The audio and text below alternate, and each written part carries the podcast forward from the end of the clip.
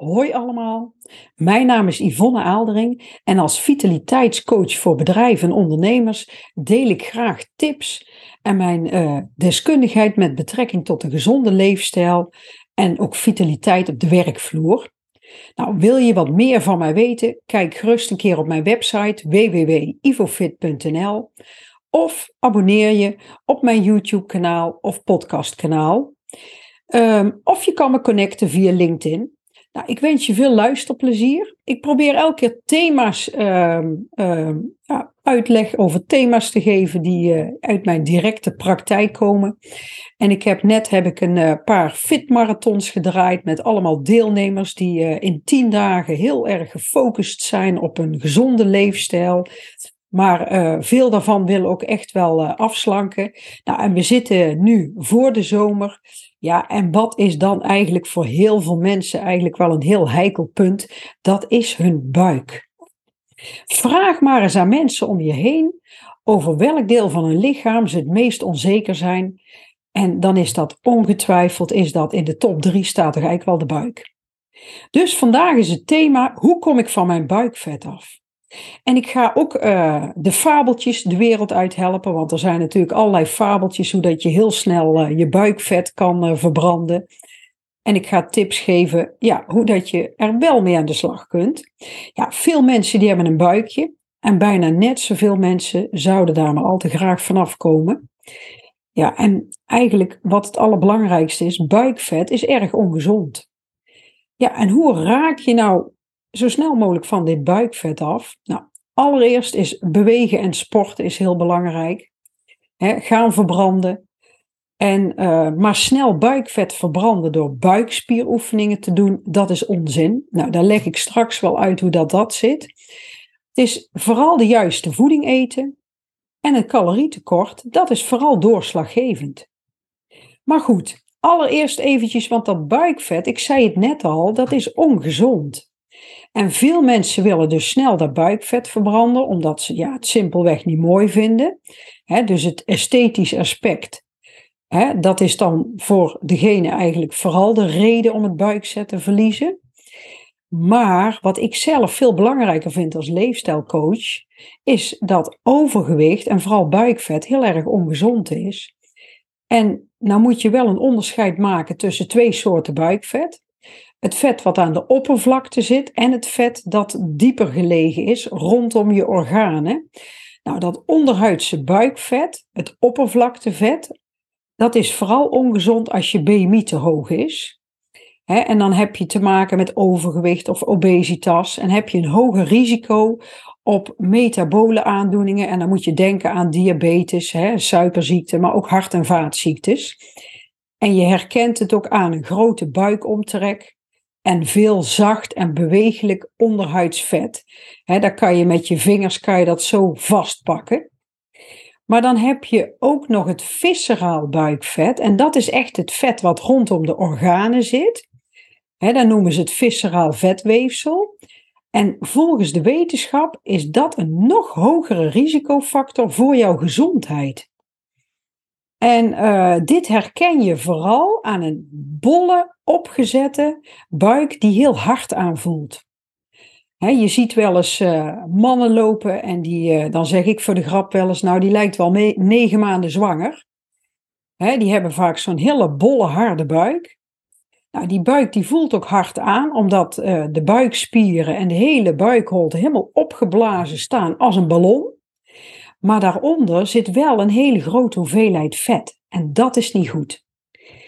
Nou, hoe krijg je nou een platte buik? Ja, een platte buik krijgen heeft uh, zowel te maken met voeding als met training. En uh, ja, om het juiste actieplan op te stellen is het belangrijk om de bijdrage van elke van deze twee factoren, om die eens even uit te leggen. Um, dus ik ga daar wat tips in geven. want bij de meeste mensen is gewoon echt het, het buikvet het probleem. Hè? En als jij overgewicht hebt en je hebt een te hoog vetpercentage, dan moet je je vooral heel erg gaan focussen op afvallen. En voeding is hierin echt gewoon heel cruciaal. Dat is een hele belangrijke factor. Dus wat is dan heel belangrijk? Dat je eet volgens je behoeften. Afvallen, hè, er is en blijft nog steeds een kwestie van je calorieën aanpassen aan je persoonlijke behoeften. En zodra jij minder calorieën inneemt dan dat je verbruikt, ja, dan val je af. En om te weten of je echt niet meer eet dan dat je nodig hebt, is het lastig om op je gevoel te vertrouwen. Want wij zijn als mensen gewoon heel erg geprogrammeerd om zoveel mogelijk te eten om te overleven. Want vroegere tijden, toen de, de mensen nog in de oertijd, ja, die liepen door, uh, door de natuur en die hadden periodes van schaarste. En ook periodes dat er wel weer meer uh, voedsel uh, beschikbaar was. En dan aten ze eigenlijk en zorgden ze dat ze reserves hadden. Dus wat dat betreft kunnen we in de huidige tijd veel beter een eetschema op maat hebben. Dat is een veel betere keuze. Hè, waarbij je echt gaat kijken van nou, hoeveel calorieën moet ik eten. Uh, wat is er goed voor mij? En als je daar natuurlijk boven gaat zitten, ja, dan val je ook niet af. Nou, wat verder nog heel belangrijk is, is eet voeding die goed verzadigt. Minder eten is makkelijker gezegd dan gedaan als jij de hele tijd honger hebt. En als jij veel, uh, bijvoorbeeld enkelvoudige koolhydraten eet, dan blijf je veel meer trek hebben. Je bloedsuikerspiegel wisselt. Je hebt veel meer snacktrek. Ja, dan is het heel lastig om minder te gaan eten.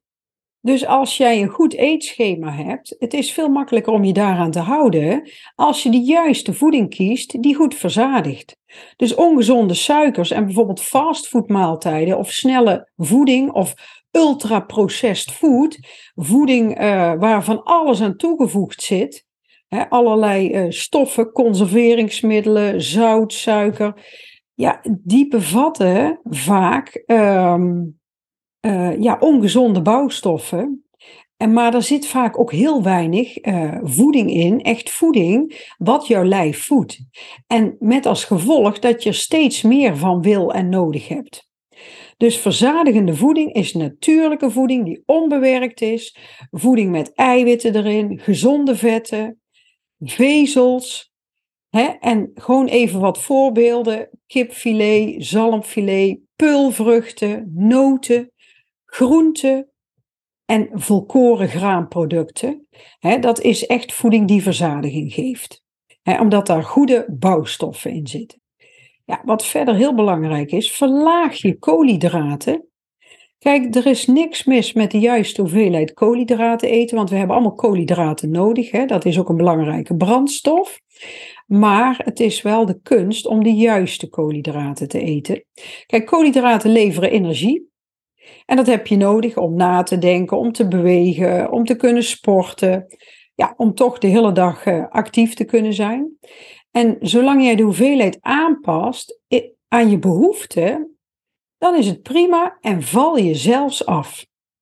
En de meeste mensen eten echter veel te veel suikers en koolhydraten in verhouding met hun activiteitenniveau.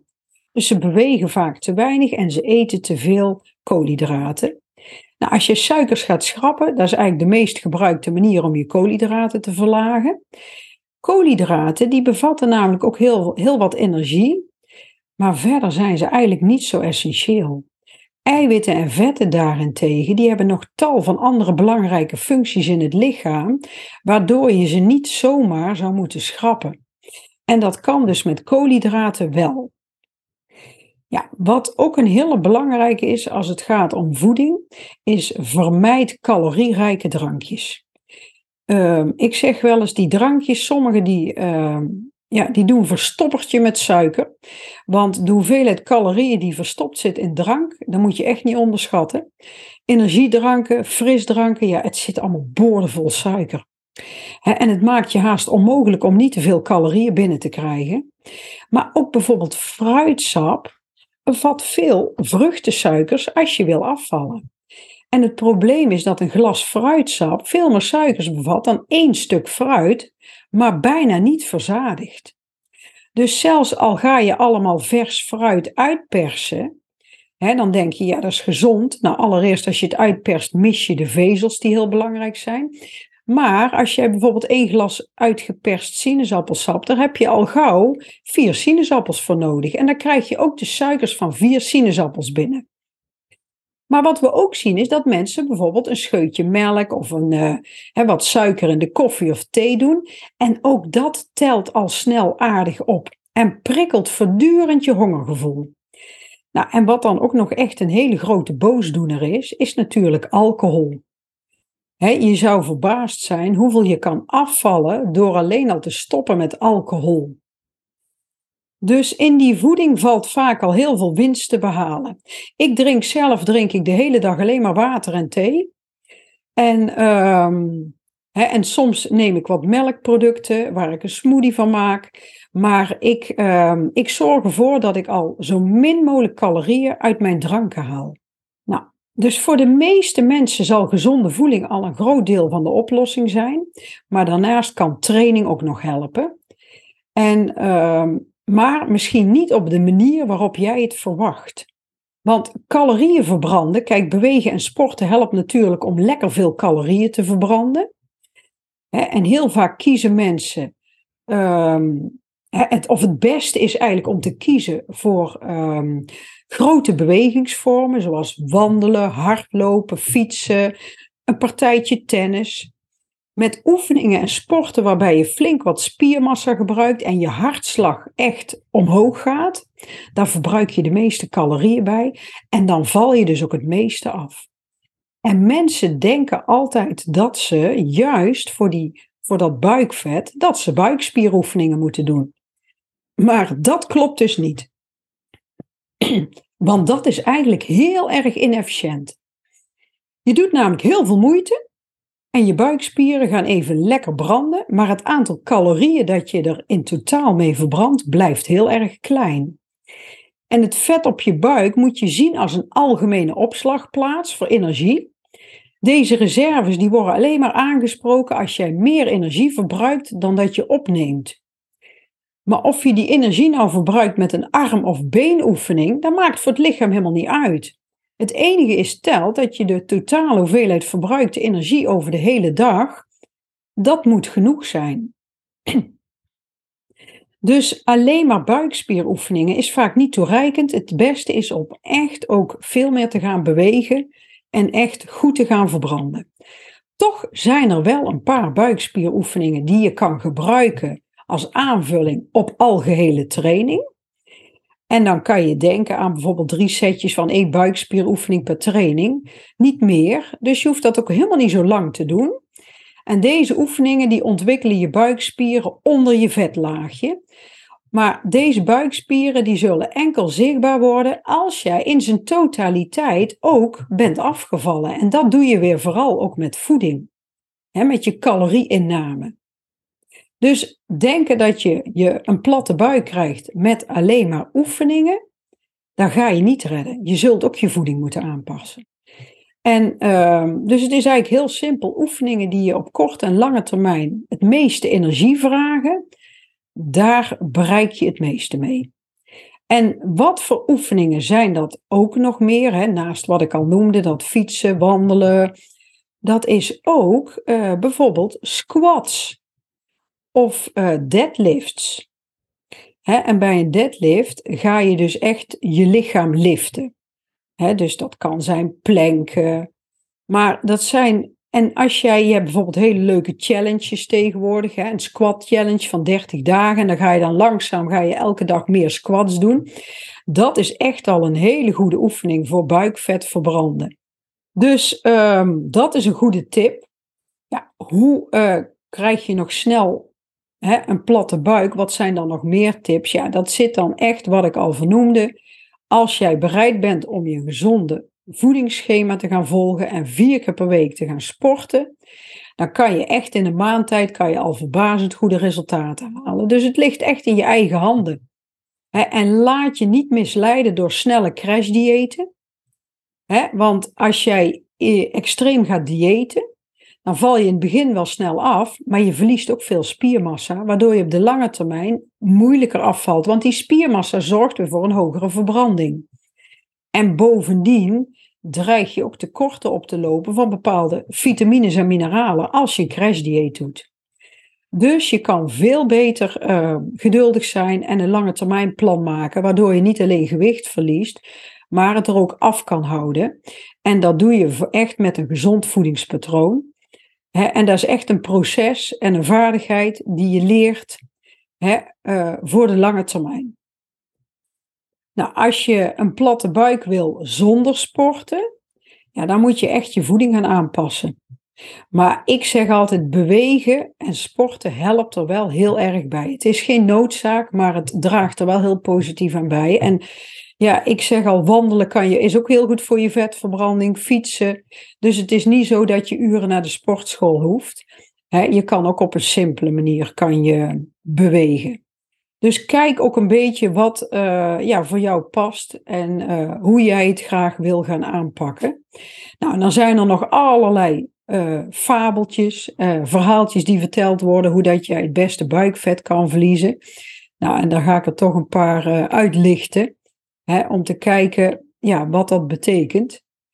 Hè, want op het internet kan je van alles vinden. Hè. Kan je allerlei voeding vinden die specifiek goed zou zijn voor je buikvet bijvoorbeeld elke dag een, een lepel appelazijn.